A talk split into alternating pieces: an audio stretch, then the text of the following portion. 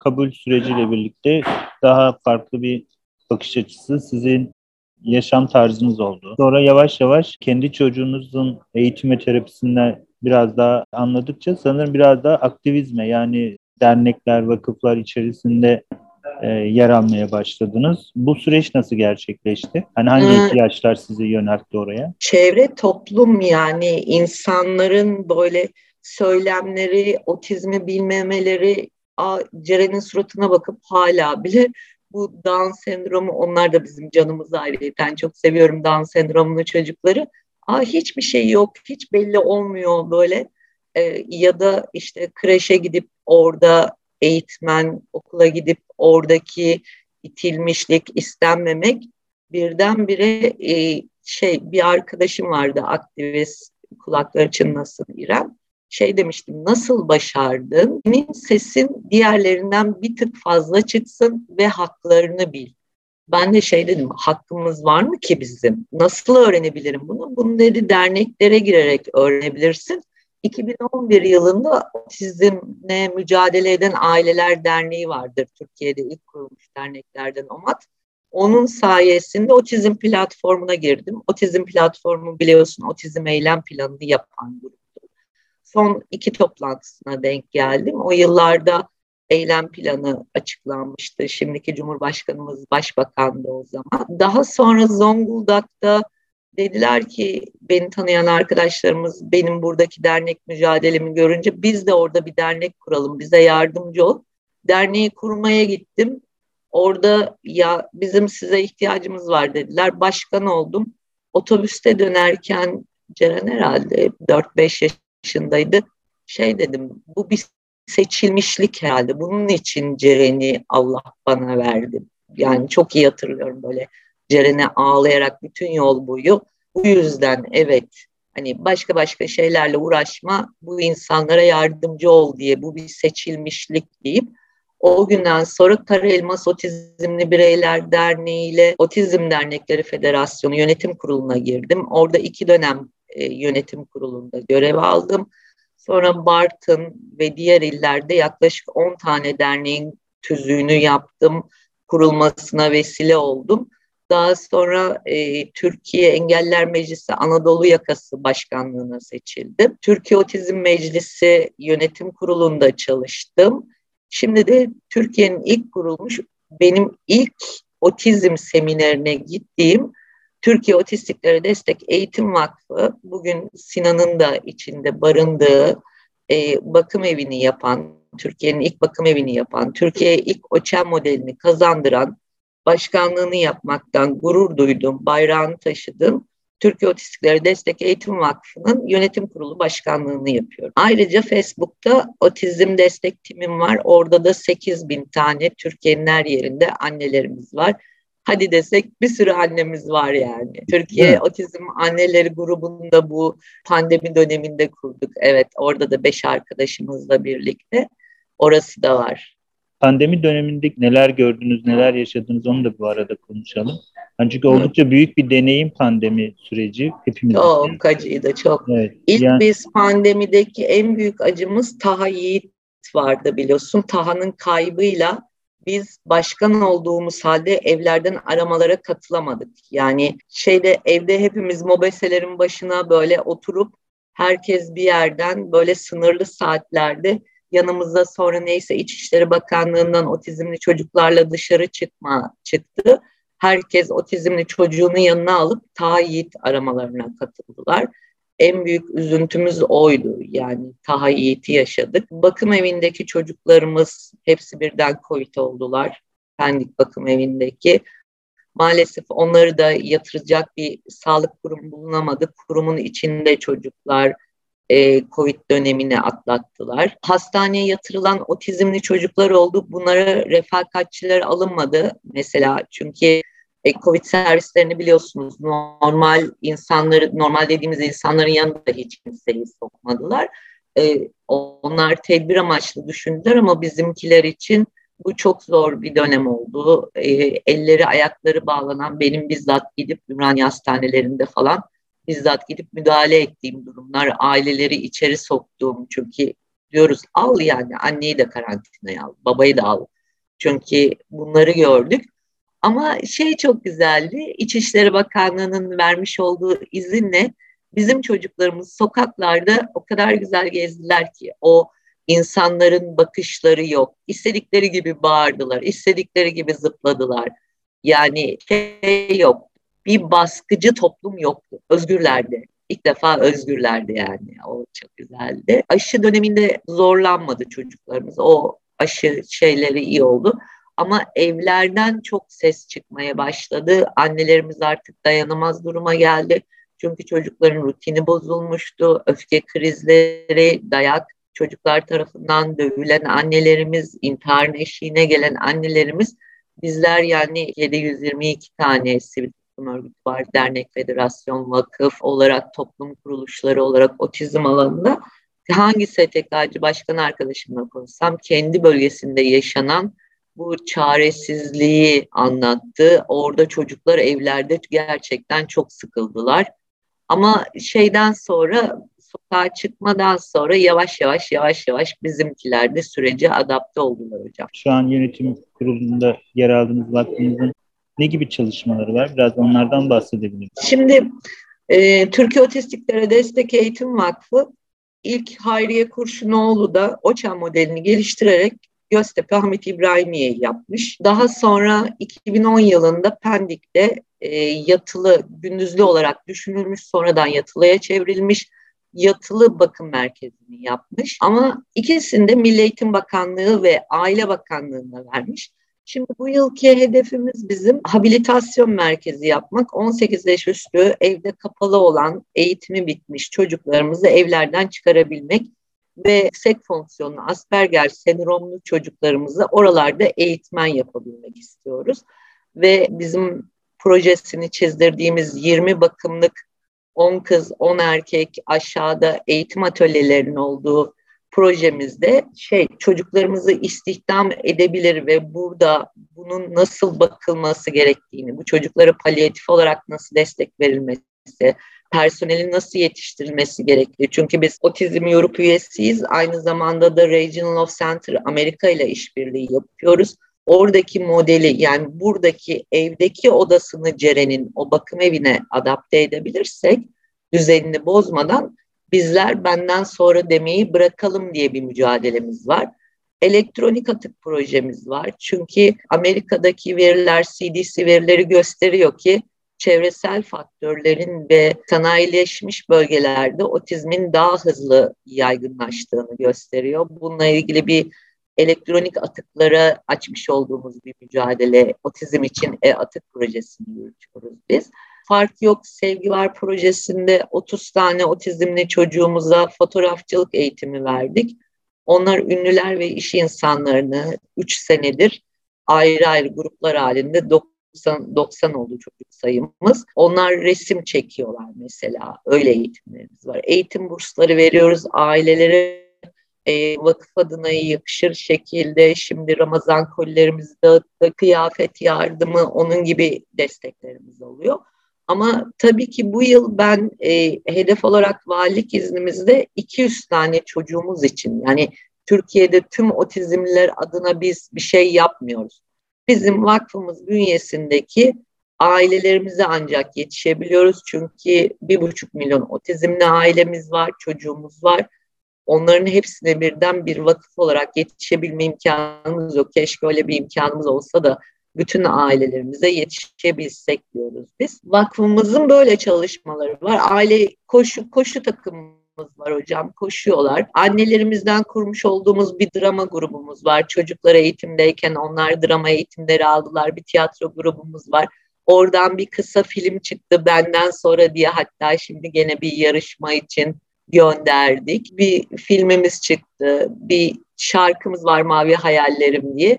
E, yani farkındalık adına yapılması gereken her şeyi yapmaya çalışıyoruz ama tabii ki bizim de yetişemediğimiz durumlar oluyor. Sanırım bu yüzden de Türkiye Otizm Meclisi var. Orada da yine çalışmalar yürütüyorsunuz. Biraz oradan bahsedin. Türkiye Otizm Meclisi bu platformun, otizm platformunun devamı gibi bütün STK'ların bir araya gelmesiyle oluşan üst çatı kuruluştur. Federasyonlar asıl üyedir orada. Yönetim kurulunda 11 STK var. Bir önceki dönemde biz de yönetim kurulundaydık. E, tüm Türkiye'nin illerinden dernek var, dernek başkanlarımız var. Ailelerimiz bazen serzenişte bulunuyorlar. Bu Türkiye Otizm Meclisi duymuyor mu, ne yapıyor? Emin olsunlar oradaki 122 STK başkanının hepsi otizmli çocuk anne babası. Herkes aynı kaygıları yaşıyor. Ee, Ankara'ya bakanlıklara gittiğinde herkes aynı söylemleri söylüyor. Tabii farklı farklı gruplar gitmesin diye Türkiye Otizm Meclisi Yönetim Kurulu zaman zaman bakanlıklara giderek orada görüşmeler yapılıyor. Benim yönetimde olduğum dönemde Türkiye Büyük Millet Meclisi komisyon çalışmaları vardı. Otizm, Down, CP komisyon çalışmaları. Oradan da 422 maddelik bir çalışma çıktı. Ee, çok güzel yani şeyin otizmin ve engellilerin anayasası gibi akademisyenlerin, sivil toplumun, bürokratın yer aldığı bu çalışmada şimdi Cumhurbaşkanı'nın önünde imzayı bekliyor. Ee, inşallah bu imzalanırsa ailelerimizin hepsinin erken emeklilikten engelli maaşının iyileştirilmesi, çocuğunun e, bakımına kadar yani düşündüğü her kaygısına cevap verebilecek mevcut haliyle uygulanması bile bizim ailelerimizi nefes aldıracaktır. Ben diyorum ki seçime kadar inşallah bu herhalde çıkacaktır. Yani Cumhurbaşkanımızı çünkü onayına sundular. Orada bekliyor masada. İyi haberler alırız diye bekliyoruz. Orada savunuculuk çalışmalarını yürütüyoruz. Türkiye Otizm Meclisi. Bu son dönemde en çok otizm konusunda bugün de hatta böyle bir e, paylaşım Sinan. olarak evet Sinan'la ilgili durumla ilgili e, neler var, neler oluyor, e, ne yapılıyor? Biraz bilgi verir misiniz? Tabii. Ee, Sinan'ı biliyorsunuz annesi kaburgaları kırıldığı için almıştı bakım evinden. Siz de evinde ziyaret ettiniz defalarca. Sinan'ın durumunda şimdi Pendik Bakım Evi Arifiye, Sapanca'ya taşındı. Sinan'ın durumunda 8 tane çocuğumuz mevcutta ağır dediğimiz düzeyde. Tabii ki diğerleri de ağır, konuşamayan, kemikleşmiş davranışları olan. Bizim ailelerimiz şey diyorlar, işte rehabilitasyon eğitimi verilsin, Sinan'a özel eğitim verilsin. Hayır canım, Sinan'a özel eğitim falan şu anda verilemez. Sinan'ın şu anda rehabilite olmaya ihtiyacı var. Nasıl Alzheimer hastasını alıp da yaşlı bakım evine koymuyor, Alzheimer merkezlerine koyuluyorsa Sinan gibi durumlardaki çocukların önce palyatif bakıma alınıp ilaç, sağlık çünkü kırmızı reçeteli, yeşil reçeteli ilaçlar kullanıyor bu çocukların çoklu organ yetmezliği, epileptik nöbetleri yani başında sürekli hemşire ve doktorların olması gerekiyor. Yani özel eğitimden öncelikli yaşamsal ihtiyaçları var Sinan'ın.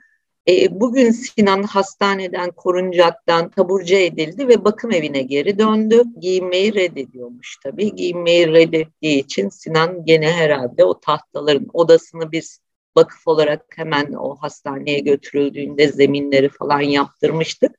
Sinan 1 Nisan günü odasının tahtalarını söktü.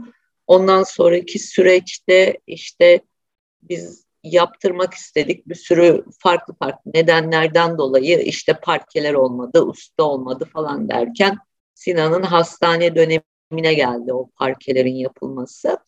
Ama çözüm değil çünkü Sinan'ın bulunduğu kurumda yani Pendik, Arifiye, Aile Bakanlığı bünyesindeki kurumun mevcut yönetmeliği engelli ve yaşlı yönetmeliği.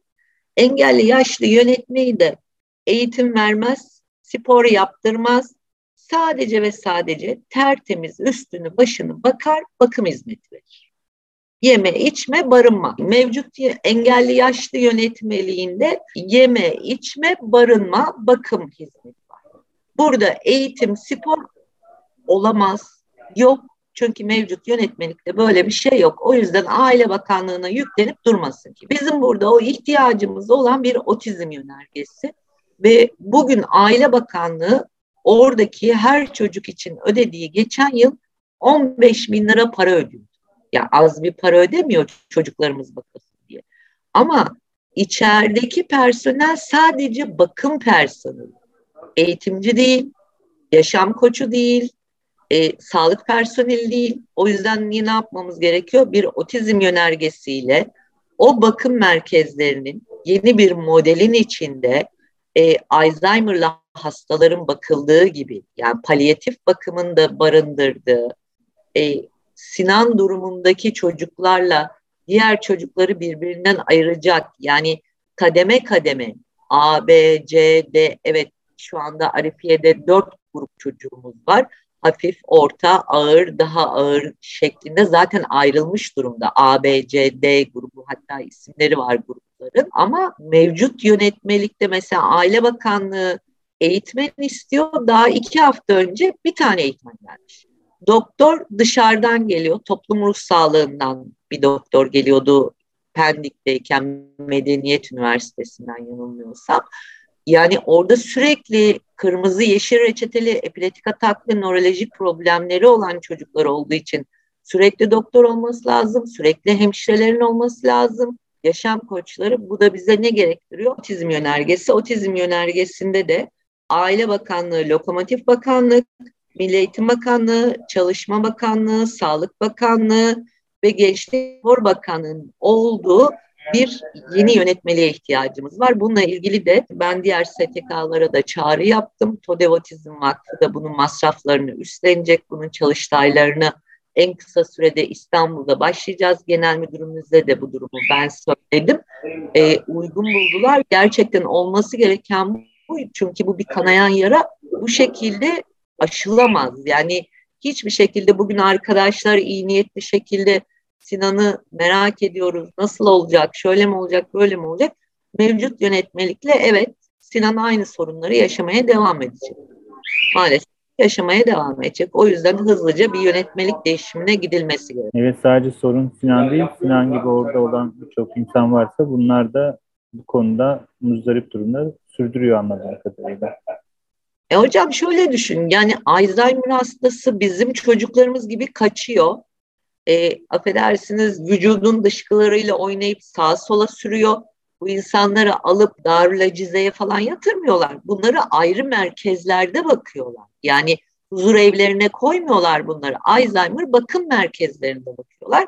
Bizim otizmliler için de böyle hani umut evleri gibi değil, daha böyle palyatif hasta bakımının olduğu yerlerde diğer çocuklar için de sporun, eğitimin olduğu habilitasyon yani e, çocukları rehabilite edecek sistemlerin olduğu bir sisteme ihtiyacımız var. Anladım. Bununla ilgili de sanırım etkili ve etkili kişiler tarafından çok ciddi bir adım yok sadece. Siz eğer meclis olarak ya da işte sivil toplum olarak harekete geçerseniz sanırım e, evet. harekete geçilecek. Evet. Yoksa e, şu an mevcut durum bu anladım ve bu devam edecek böyle. E, çünkü en büyük sıkıntı şu mesela otizm eylem planında da baktığınız zaman aileler diyor ki hiçbir şey yapılmadı. Evet e, çünkü e, Aile Bakanlığı orada yedi tane bakanlığın sorumluluğu var.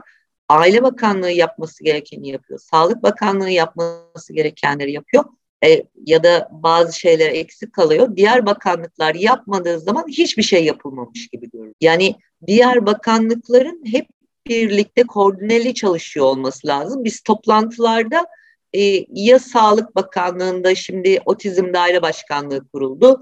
Aile Bakanlığı her zaman bizi dinliyor. Yeni yeni Gençlik Spor Bakanlığı olaya müdahale olmaya başladı. Yani bütün bakanlıklar eş zamanlı hareket etmezlerse özel eğitim mesela özel eğitim sadece okullarda kaynaştırma ve rehabilitasyonlara destek gibi algılıyor ama 18 yaş üstü ağır otizmler için de harekete geçmesi lazım diğer bakanlıkların. O yüzden de onları biz bir itici güçle bir araya getirmeliyiz. Bu çalışmaları başlatırsak yani akademisyenler, sivil toplum, kamu kurum ve kuruluşları hızlıca yolu yani nasıl eylem planında başardık gene başarırız gibi geliyor hocam. Şu çok önemliymiş gibi görünüyor. Ben de çok üstünde durduğum konulardan birisi. Ailelerin siz insanlara ulaşmaya çalışıyorsunuz ama otizm camiası da hani gittikçe hani sayı düşük. Dörtte bire kadar ne bileyim yarın 39'da bire kadar bilmem neye düşecek. Bu şu anlama geliyor aslında. Bu konuda etkilenen aile bireylerinin sayısı yani aileler çok etkilenmeye başlayacaklar ve konunun sadece bireysel bir konu olmadığını da görecekler. e, sosyal destek sistemlerinin ya da sosyal destek sistemlerine dahil olmanın açıkça bir gerekliliği ve önemi ortaya çıkıyor. Bunları aileleri nasıl anlatılabilir? Nasıl hani siz bireysel yolculuğunuz sizi buraya kadar getirmiş. Ama hani bunun gerekliliğini ve önemini henüz kavramamış bir sürü aile de var. Hani onlara neler söylemek istersiniz bu konuya dair? Yani bir kere ailelere devletin vermiş olduğu evde bakım parası çocuğun eğitimi için veriliyor. Bunun birebir örneğini biz yaşadık. Anneyle böyle bir masa başı kahvaltısında konuşmuştuk. Ben o zaman kızıma eğitim aldırıyordum. Şey demiştim, bakım parasından eğitim aldırsana falan. Yok dedi ben maaş alınca bir muz aldırıyorum. Demiştim ki bak şey yaparsın sonra bakım evi istersin. Nitekim de Ceren'den iki yaş büyük. Geçen yıl bakım evi ihtiyacı. Yani aileler küçükken devlet 2400 lira para veriyor. Eğer ki bunu rehabilitasyon kurumlarına ya da diğer kurumlara eğitim karşılığı ben mesela bakanlıklara gittiğimde 0-7 yaşa asla para ödemeyin diyorum. Boşanmış anneler hariç, gerçek ihtiyaçlılar hariç. Bu parayı eğitim faturası karşılığında ya da eğitime çünkü çocuğun yoğun eğitimle bu çocuk kaynaştırma düzeyine gelirse bakım evi ihtiyacı azalacak. Senin bugün yap, yaptığın 9 dolarlık yatırım yani 1 dolarlık yatırım yarın sana 9 dolar olarak dönecek eğer yatırım yapmazsan. E, bu kadar hızlı artıyor. Sen bu çocukları yatıracak bakım evi bulamayacaksın. Şu anda mevcutta Pendik ve Arifiye'de 73 çocuk yatırılmayı bek. Sen bu çocuklar OÇEM çocuğu olmasaydı, kaynaştırma öğrencisi olsaydı ya da sen bunu özel bakımda baktırabilecek düzeyde çünkü özel bakımlar da otizmli çocukları kabul etmiyorlar birkaç tane kabul eden bakım merkezi var İstanbul'da. Maalesef ki sen bugün yatırım yapmazsan bu çocuklara Yarın bu çocuklar sokaklarda zombiler gibi gezecekler, başıboş, anneler babaları ölmüş. Bugün bir buçuk milyon olan otizmli e, yani 2025 yılında iki buçuk milyon falan mı olacak hocam tabii. Bu kadar hızlı Covid'den hızlı yayılıyor. Bu veriler yani Amerika Sağlık Örgütü söylüyor bunu. Biz Arzu Gökçe söylemiyor. Çok hızlı yayılıyor yani. O yüzden bir yerden başlamamız gerekiyor tedbirler için. Ben şey diyorum mesela özel bakımda verilen iki asgari ücret e, bunu da gittiğim zaman genel müdürlerimize, bakanlık düzeyindeki yetkililere diyorum ki iki asgari ücreti evde aileye verseniz mesela bakım karşılığı bir spor hocası tutabilir. Ve bu şu anda 73 tane bekleyen çocuğun emin olun bakım evi ihtiyacı ortadan kalkar annesi babası ölmüş, yaşlanmış olanları tenzih ediyorum. Ama normal artık öfke krizlerine dayanamayan anne babalar bakım sırasına giriyorlar. E, onları rahatlatacak bir çözüm olur. Yani sen özel bakıma vereceğine bunu bu şekilde eğitmene ver. E, yani çok kolay aslında çözümler üretilebilir. Yeter ki istensin. Yeter ki istensin. Önümüzde seçim var. Ben seçim üstü de iyi kazanımlar olacağına inanıyorum. Çünkü bugüne kadar eylem planları ve buna benzer çalışmalar hep o dönemlerde çıktı. İnşallah da bu önümüzdeki 2023 seçimlerine kadar da arkadan gelecek yeni tanı alacak çocuklar için daha güzel günler olacak diye düşünüyorum. Ee, yani hani ikinci eylem planını çıkaracaklar ama henüz daha birinci eylem planının eleştirilmesi... Hocam çıkarmasınlar. Niye? Mevcut Türkiye Otizm Meclisi'nin Türkiye Büyük Millet Meclisi komisyon raporunda zaten her şey mevcut. İkinci eylem planı, raflar eylem planıyla dolu. Vakit kazanmak isteyen eylem planı. Yani gerek yok ikinci eylem planı. Ben kızıyorum arkadaşlara da ya demeyin Allah aşkına diyorum ne ikincisi? Hani Birincide her şeyi edindik mi de ikincisi. Hani komisyon raporu bence sivil toplumun ağzında pelesenk olması gereken şey Türkiye Büyük Millet Meclisi Otizm Down CP komisyon raporu Cumhurbaşkanı tarafından imzalanmalıdır. Arz ederiz. Cumhurbaşkanımızdan talebimiz budur. Yani bizim yapmamız gereken, olması gereken baskıcılığımız bu olmalı. Savunuculuğumuz da bu yönde olmalı. İkinci eylem planı ben başka bir şey talep edeceğim 18 yaş üstü için. Sen küçük yaş grubu, öbürü beslenme derken böyle bir zaman kaybı gereksiz. Komisyon raporunun içinde linki de veririz. Hepsi mevcut zaten. Evet onu da şeye e, programa ekleyelim bence. İnsanlar da ulaşmak isteyebilirler. Önemli evet, bir belge. ben atarım size hocam. Tamamdır. Bu ailelere yönelik nereden başlasınlar? Yani hem kendi çocuklarının eğitim ve terapi süreçleriyle ilgili hem de bu sosyal destek sistemlerine dahil olmakla ilgili e, nereden başlamalarını önerirsiniz? Aile eğitimi hocam. Çünkü e, Amerika şu anda bütün ABA, UDA, hepsi PCDI, hepsini bırakmış bir BCBA yanılmıyorsam BCBA eğitimi. O da nedir? Önce aileyi eğitiyor. Yani otizmin geçici bir durum olmadığını, karşılaşacağı sendromları, beslenmesi, ne yapması gerekiyor, ne yapmaması gerekiyor. Mesela biz e, bir araştırma yapmıştık. Otizm destek hattı Türkiye'de ilk bir. 10 bin tane telefon geldi. 10 bin telefonun 7888 tane bakım parası alıyorum. Daha fazla ne edinebilirim? Yani ev, buna benzer şeyler acı. Geri kalan 1880 tanesi de e, çocuğuma eğitimi için daha fazla ne yapabilirim? İşte konuşma terapisti, onun gibi sorular eğitimiyle ilgili, çocuğun gerçekten ihtiyaçlarıyla ilgili ve birebir ben telefonları isim isim kayıtta aldım ve götürdüm bakanlığa dedim ki bakın bu bize aile destek sisteminin, aile desteğin önemini anlatıyor.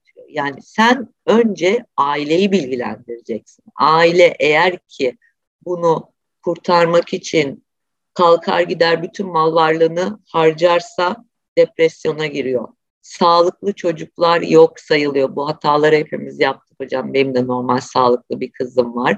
Çünkü diğer diğerine yoğunlaşıyorsunuz. Onun bütün gelişimini görmüyorsunuz.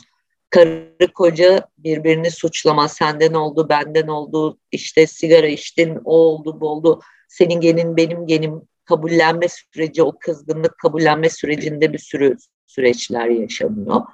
O yüzden de önce aile eğitimi, biz ne yapıyoruz? Mesela benim e, eşimin derneğini arayan, federasyonumuzu arayan, vakıfımızı arayan yeni tanı almış aileye diyorum ki nefes al, yolun çok uzun bir kere. Derin bir nefes al. Şimdi hedefin e, diyor ki askere gidebilecek mi? Diyorum ki yarın ne olacağını Allah'tan başka kimse bilemez. Bırak bunu. Şimdi sen çocuğunu diğer çocuklarla bir araya koyduğunda ne görüyorsun? Eksikleri var. Tamam. Tek hedefin bu eksikleri tamamlamak. Çocuğunu kreşe hazırlamak. Gelir durumun nasıl? E, gelir durumum yok. O zaman ne yapıyoruz? Nereden sağlık raporu alıyoruz? Nereden rehberlik araştırmadan alıyoruz? Tabii bu bize ulaşabilen ailelere biz bunu veriyoruz.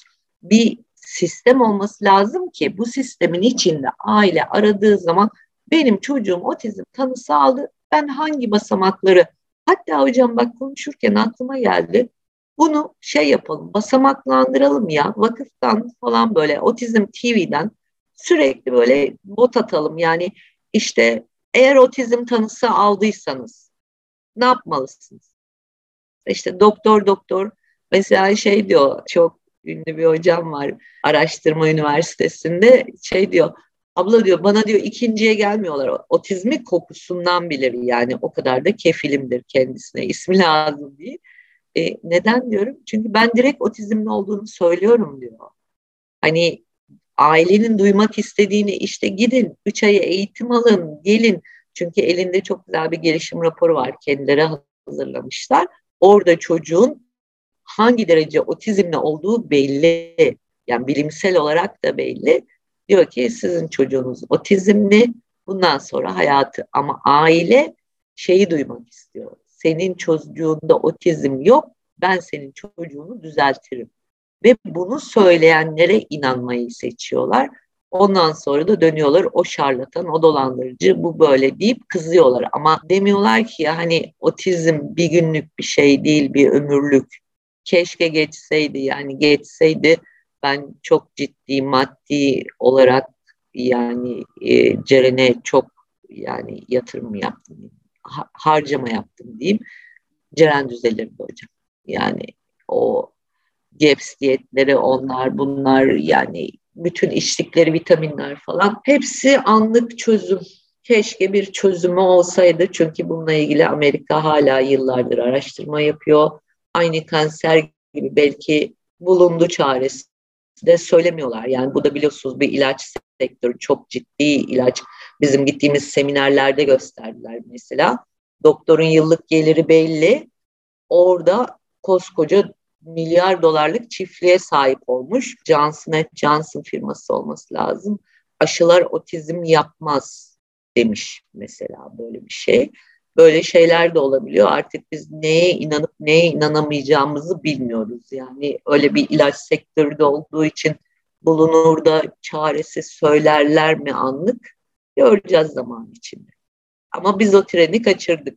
e, biz şimdi e, Otizm TV'de Otizm Salgını kitabını okuyoruz. E, o kitapta çok ilginç şeyler var. Yani en önemli e, anlattığı konulardan birisi de aslında salgının toplumsal bir inşa olduğu yönünde. Çünkü şöyle bir bakış açısı edinmiş kitapta. Şunu diyor, mesele aslında salgın olup olmamasından ziyade tanılardaki değişiklik, yumuşatılmalar, kurum dışılaştırma dediği mesela bu eskiden psikiyatrların, kliniklerin egemenliğinde olan bir konunun artık klinik dışında yani evlerde, toplum içinde, okulda eğitilmesi, işte işte erken müdahale programlarının geliştirilmesi, e, tanının tanı ikamesinin yani eskiden diyelim çocukluk şizofrenisi e, tanısı alan çocukların artık otizm tanısı altında belki e, ele alındı. Yani aslında tanı genişledikçe görülme sıklığının da arttığı yönünde. Mesela Oregon örneğini veriyor. Diyor ki Oregon mesela Amerika'da Oregon'da otizm tanısı koymak için birisiyle göz teması kurmaması yeterli. Sadece kriter bu. Yani doktorlar Oregon'da birisi diyor göz teması kurmuyorsa ona hemen otizm tanısı koyuyorlar. Şimdi o zaman diyor ki e, o zaman diyor ki mesela o zaman bu otizm Oregon'da otizm e, görülme sıklığı çok diyor. Ya da mesela diyor ki koskoca Fransa'da mesela önüne gelene otizm teşhisi konulmuyor mesela. Niye? Şey diyor mesela psikanalitik teori orada egemen olduğu için psikanalitik teoride de bir, bir çocuğa bir bireye otizm teşhisi konulması için çok ciddi bir e, şeye ihtiyaç var. Yani te, terapinin kendisi herkes her önüne gelene otizm tanısı kon, kondurtmuyor yani. Göz temasını evet. e, göz teması kriterine ele almıyor da mesela kendi kendine e, de, zarar vermeyi, kendi kendine aşırı yalnızlık, e, otistik izole olma gibi bir kavramı mesela psikanalitik teori e, öne sürüyor. Haliyle diyor ki e, Fransa'da çevresel kirlilik yok mu? Fransa'da aşılar yok mu? Fransa'da ama otizm görülme sıklığı az diyor mesela. Yani şunu söylemeye çalışıyor aslında. Görülme sıklığını belirleyen unsurlar e, bilim insanlarının, genetikçilerin o kadar kafası karışık ki dolayısıyla ben de buradan şunu çıkarıyorum. Bilim insanların kafası karışıksa bizim nasıl neden olmasın kafamızın karışıklığı? Hani onların bir kere kafası karışık. Yani bize bu konuyu açıklayacak insanların, bize bu konuda araştırma yapıp bu araştırma sonuçlarını paylaşan insanların kafası karışık. Benim niye olmasın? Yani ben her yere gittiğimde bana değişik bilgiler veriyorlar. Otizm budur, otizm şudur. Yani kitapta zaten şey diyor, diyor ki her türlü ele avuca gelen otizmden bahsediyor. Yani diyor ki bunun bir net tanımı yok mu yani bir şey yok mu her şeyin var bunun yok mu diyor mesela hani ya ilginç bir kitap e, okumaya devam ediyoruz. Okuyalım, Bu arada okuyalım söyle, hocam onu. Söylediğiniz Şeyde bana mesela, bunu hatırlattı. Mesela diyorlar ki otizm farklılıktır, farklılıktır. İyi de sen bunu söylersen farklılık, farklılık, farklılık sonunda Sağlık Bakanlığı diyecek ki git sen farklısın. Ben sana niye hizmet edeyim ki sen farklıymışsın. Hastalığın yokmuş. Hastalık değildir, farklılıktır. Mesela yetişkin otizmler bunu söylüyorlar. Diyorlar ki biz farklılık. Biz de söylüyoruz bu arada hocam biz de. Söylemeyin hocam farklılık. Ama Sağlık Bakanlığı sonunda diyecek ki ben sana ilaç hiçbir şekilde psikiyatrik ilacını karşılamıyorum. Farklılık diye bir şey yok benim lügatımda. Ee, Amerika'da mesela New Jersey'de e, en yoğun sanayileşmiş bölge. Orada otizm görülme sıklığı çok fazla. Bir de Amişler topluluğunu bilirsiniz. Bu teknolojiyi reddeden 200 bin kişilik grup. E, bugüne kadar orada e, sadece iki tane otizmli görülmüş. Otizmlerin bir tanesi evlatlık edinilmiş, bir tanesi de dışarıdan gelen gelinin doğurmuş olduğu çocuk. Bakın orada hiç telefon yok, araba yok, televizyon yok, Yani tamamen organik hayat. Bu da mı tesadüf hocam? Hani salgın diyorlar, sanayileşme diyorlar. Şeyde Fransa'da yok diyor ama daha az. Çünkü Fransa ben mesela ailelerle konuşuyorum. E, Avrupa'daki ailelerde e, çok az tanı veriyor. 5 yaşından önce bir kere 4-5 yaşından önce tanı vermiyor.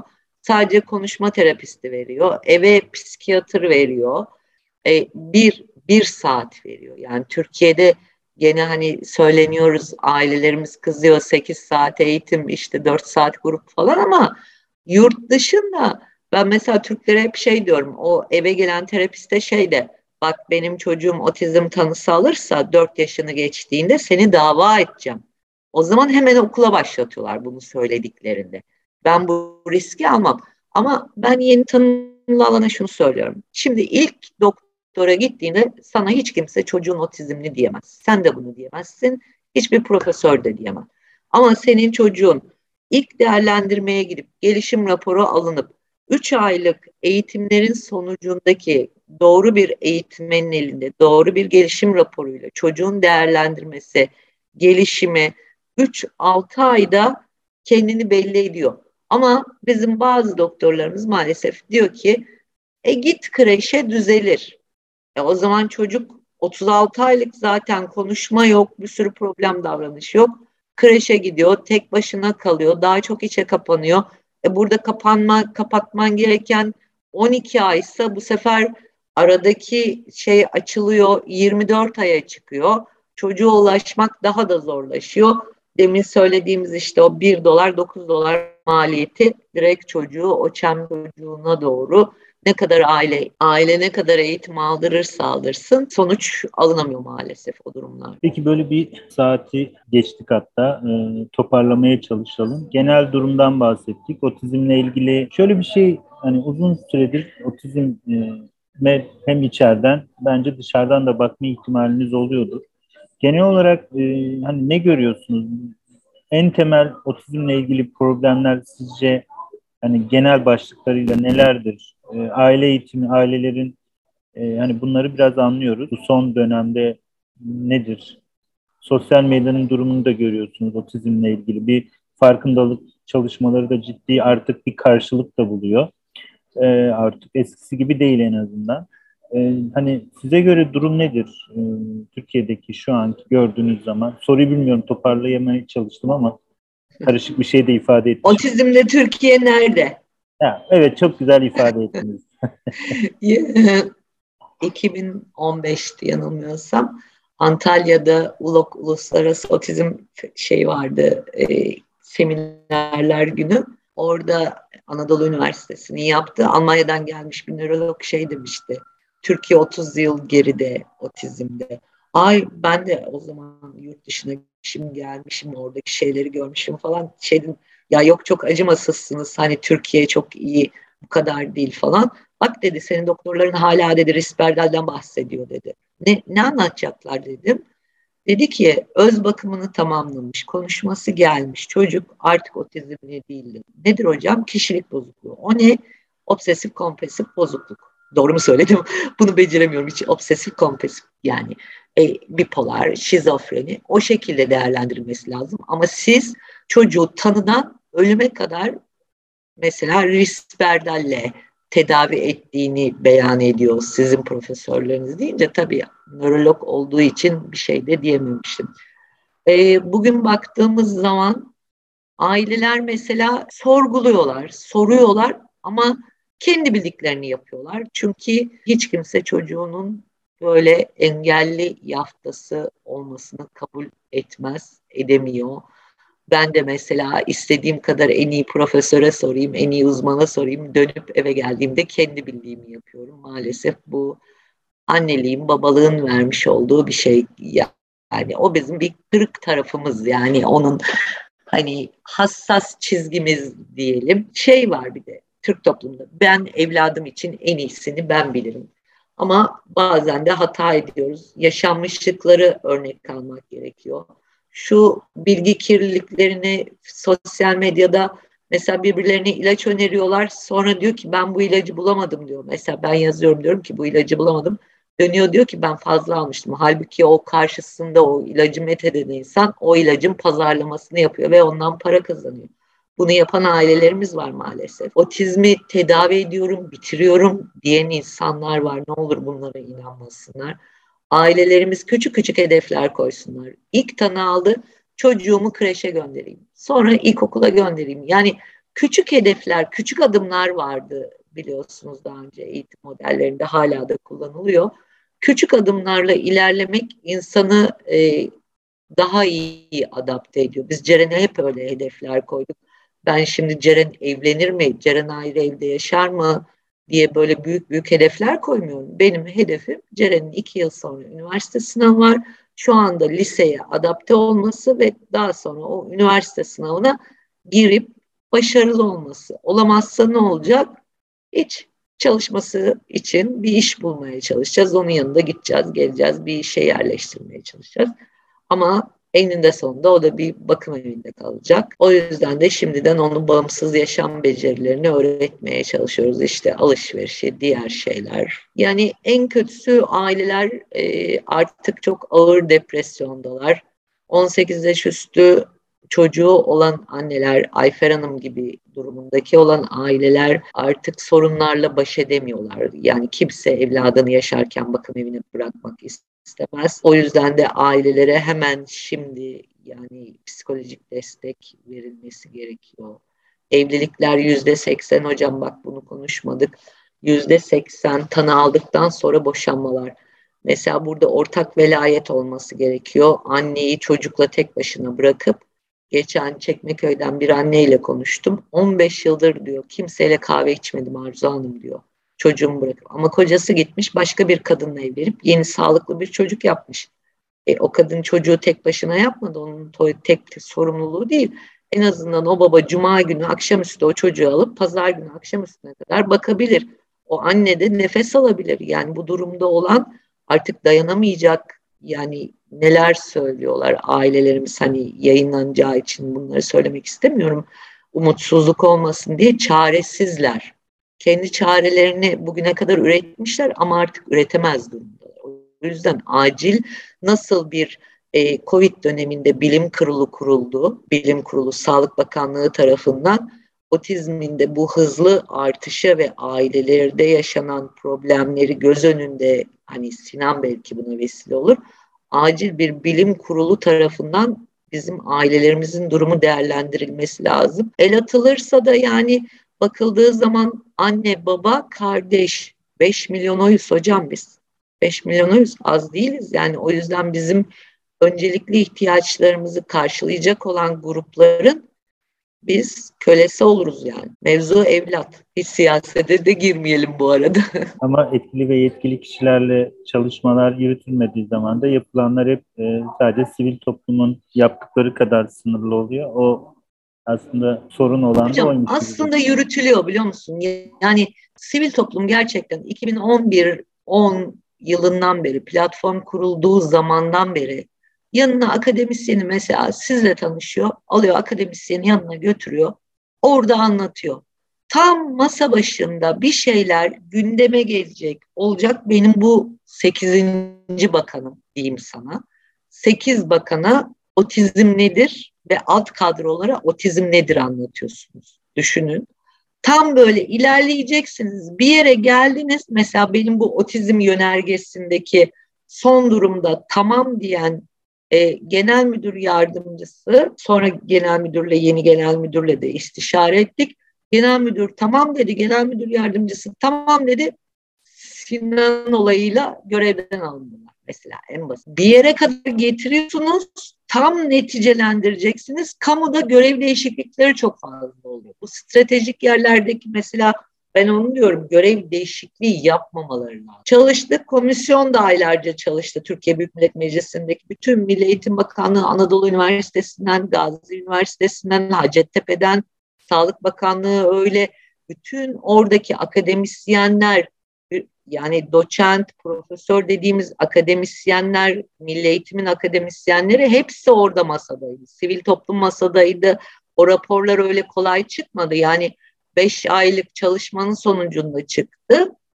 Ama geldi geldi geldi geldi ülke gündemine e, Covid oldu. Araya bir Covid girdi. Kaldı. Yoksa tek imzaya kaldı. Cumhurbaşkanının imzasına kaldı. O kadar güzel bir çalışma var ki orada.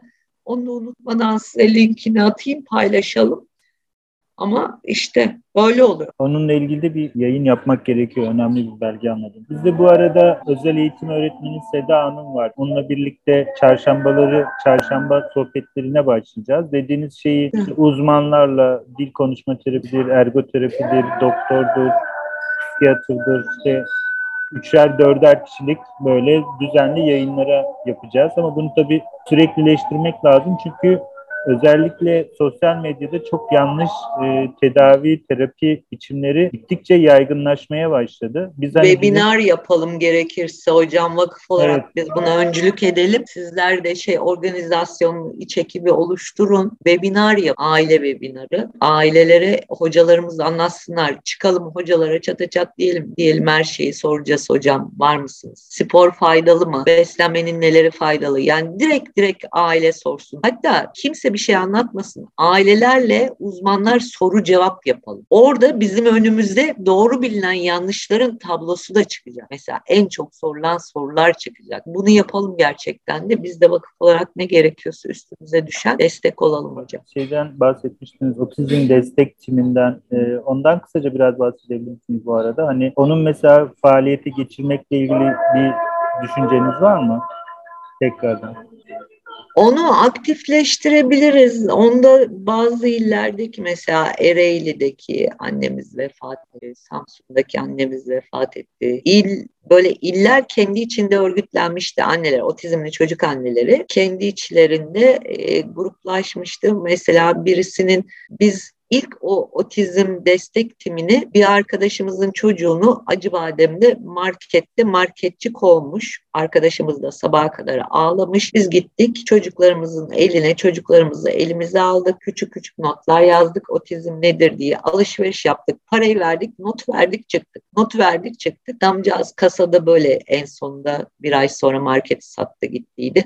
Ben de hastayım, ben de şeker hastasıyım böyle bembeyaz olmuş. Hani çocuk parayı atmış, konuşması yok su almış bir lirayı fırlat. Çıkmış senin çocuğun benim kafama para attı. O da demiş ki beyefendi kusura bakmayın engelli. Ben ne bileyim demiş engelli olduğunu. Boynuna as da gez o zaman. Tövbe hayvan mı bu yani? Şey mi inek mi bu boynuna assın gezsin? Ne demek boynuna as da gez? Tabii o arkadaşım da çok üzülmüş. Dedim ki dur dedim yani senin eşini benim eşimi göndersek döverler. Adamın bu kemikleri iyileşir. Rapor alır. Bir de bizimkilerin başı buna başka bir ders vermek lazım. Otizm destek timi öyle doğdu. Ondan sonra bütün iller yerlerde böyle anneler bir araya geldi. Okullarda, kaynaştırmalarda bir ara çok güzel. Biz tabii benim bu federasyon, vakıf falan onları şey olduk böyle dağıldık. Dağılmasaydık çok güzel böyle illerde anneler toplanıyorlardı falan. Hatta benim hayalimde o illere ziyaret yapacaktım. Hani bir araya gelecektik falan. Oraya hareket lazım aslında bir iki şey yaptık mı hayata geçer yani. Bekliyorlar. Hiç kimse de grubu terk etmiyor yalnız. Herkes bildik, tanıdık arkadaşlarımız. Orada grupta da 7 bin falan var herhalde yanılmıyorsam hocam orada. Şimdi şeyde Otizmli dergisi de e, benzer bir şeyi yaptı. Bilginiz var mı bilmiyorum. Temsilcilik yani il il temsilcilik yaptılar. Uzmanlar, aileler e, benzer bir şey oluştu gibi. Aslında birçok oluşum var. E, birçok e, oluşumların bir araya geldiği gruplar da var ama hani dağınık enerjiler var gibi geliyor bana. Umarım evet. dağınık enerjiler zaman içerisinde çizmin daha da böyle insanlara daha yararlı olabileceği işte tanıdan e, tedavi yöntemlerine kadar hani bizim de böyle kendi içimizde bilimsel ve kanıta dayalı modellerin Türkiye'de hangilerinin uygulandığı, kimlere bunların eğitiminin, terapisinin nereden alınacağı, hangi uzmanlardan bunların daha sağlıklı alınacağı, nasıl başvurulacağı, işte bir A'dan Z'ye böyle dediğiniz şeylerin böyle kitlerinden tutun insanlara çabucak Mudok mu diyorlar bu ilaçların hani eczanelerde vardır, doktorların elinde vardır, bütün ilaçların perspektüslerin olduğu öyle bir şeye ihtiyacı var otizm. Evet ben de katılıyorum ona. Yani en azından bir başvuru ilk olanlar için. Bir ara şey yaptılar bu birinci otizm eylem planı çalışmalarında illerde otizm toplantıları yapıyorlardı. Bütün daire ildeki işte AFAD dahil bütün gruplardan temsilciler, Milli Eğitim Sağlık Bakanlığı bütün temsilcilerin olduğu il toplantıları yapıyorduk. İstanbul İstanbul'da üç kere oldu. Hani keşke o toplantılar devam etseydi. O da mesela il bazında çok önemli. Yerelde yapılacaklar çünkü Ankara hepsini çözemez ki. İstanbul'un sorunu, İstanbul Zonguldak'ın sorunu, Zonguldak Bartın'ın sorunu Bartın çözebilir yani. Bizim bu yapılanmaya çalıştığımız gibi oralarda olsa çözebilirler ama onu da bıraktılar maalesef. Üç toplantı sonrası eylem planı 2016-2019 bitti dendi. O da gitti. Konuştukça yeni konular konusu evet. giriyor. Bitmez hocam ama şunu söyleyeyim. Yani asla ve asla ne olursunuz. Yani otizme siyaset bulaştırmasınlar. Bizim evlatlarımız siyaset üstüdür. Yani A partisi, B partisi, C partisi, D partisi, H partisi biz ailelerimizi mesela sivil toplumcu olarak seçerken hangi partidensin demiyoruz. Ya da Rabbim bu çocukları bize verirken partimize göre vermiyor. Bunu ne olur bizim çocuklarımıza siyasi malzeme yapmasınlar. Bizim çocuklarımız siyaset üstüdür. Bunun en güzel örneği de Türkiye Büyük Millet Meclisi'nde kurulmuş komisyon raporudur. Bütün partilerden oluşan milletvekilleri, AK Parti, MHP, CHP, HDP, bütün partilerden oluşan milletvekilleri engelli çocuğu olan ve otizmli çocuğu olan milletvekillerinin oluşan bir komisyon ve bugüne kadar tarih değildir. Yani bütün bu AK Parti hükümetinden sonra bu grupların bir araya gelmesi birlik içinde 3 ay 5 ay bu raporun çıkması için çalıştılar. Biz de aynı sağduyuda sivil toplumcular olarak, aileler olarak bakıyorum bazen. Vay devlet onu yapmadı, devlet bunu yapmadı. İyi de kardeşim sen devletin önüne nasıl yapması gerektiğini götürdün mü? Götürmedin. Sadece dedin ki eğitimci gönder. O çocuğun rehabilite edilmesini, doktora ihtiyacı olduğunu söyledin mi? Söylemedin. Sen bunları söylemezsen senin çocuğunun otizmini bilemiyor işte. Bilemiyor. Doğru anlatmak gerekiyor bazı şeyleri de. Ondan sonra dönüp devlete yükleniyorlar. Ya da dönüp diyor ki Aa, siyaset malzemesi kalkıyor. Türkiye Büyük Millet Meclisi'nde Sinanlar ne olacak? Ya da otizm farkındalık gününde diyor ki otizmli farkındalık gününüzü kutlarım. Elinde bir tane Down sendromlu resmi. Ya yapmayın yapmayın. Bizim için siyaset yapmasın kimse ya. Gerçekten yapmasın. Bizim çocuklarımız siyaset üstü. Ben hep bunu bilirim, bunu söylerim. Arkadaşlarıma da söylüyorum yani siyaseti bizim camiamızdan uzak tut. Peki son olarak size iyi gelen bir sözle böyle hani mottonuz olabilecek iyi bir sözle bitirelim. Söylemek istediğiniz, size etkileyen bir aklımıza sık sık gelen, enerji uyandıran sizde? Yanımda ol, yarınım olsun. Ben onu seviyorum yani. Yanımda ol, yarınları olsun. O şeyde de var, Mavi Hayallerim şarkısında da var Tadev'in. Farkındalığın falan kimse farkında olduğu yok. Biz sadece böyle her şey yolundaymış gibi yapıyoruz aileler olarak. Ama gerçekten hala otobüste, minibüste birçok yerde yaşadığımız sorunlar var bizim vicdanlı insanlara, sevgi duyan insanlara, yanımızda işte yanımızda olmalarına ihtiyacımız var. Başka hiçbir şey, paraya, pula hiçbir şeye ihtiyacımız yok. Sağduyuya ihtiyacımız. Siz nasıl yanımızdasınız? Diğerleri de bunu başarabilirler. Teşekkür ediyorum size bu yayın için de ayrıyeten. Ben de teşekkür ediyorum katılımınız için. Tekrar görüşmek dileğiyle diyorum.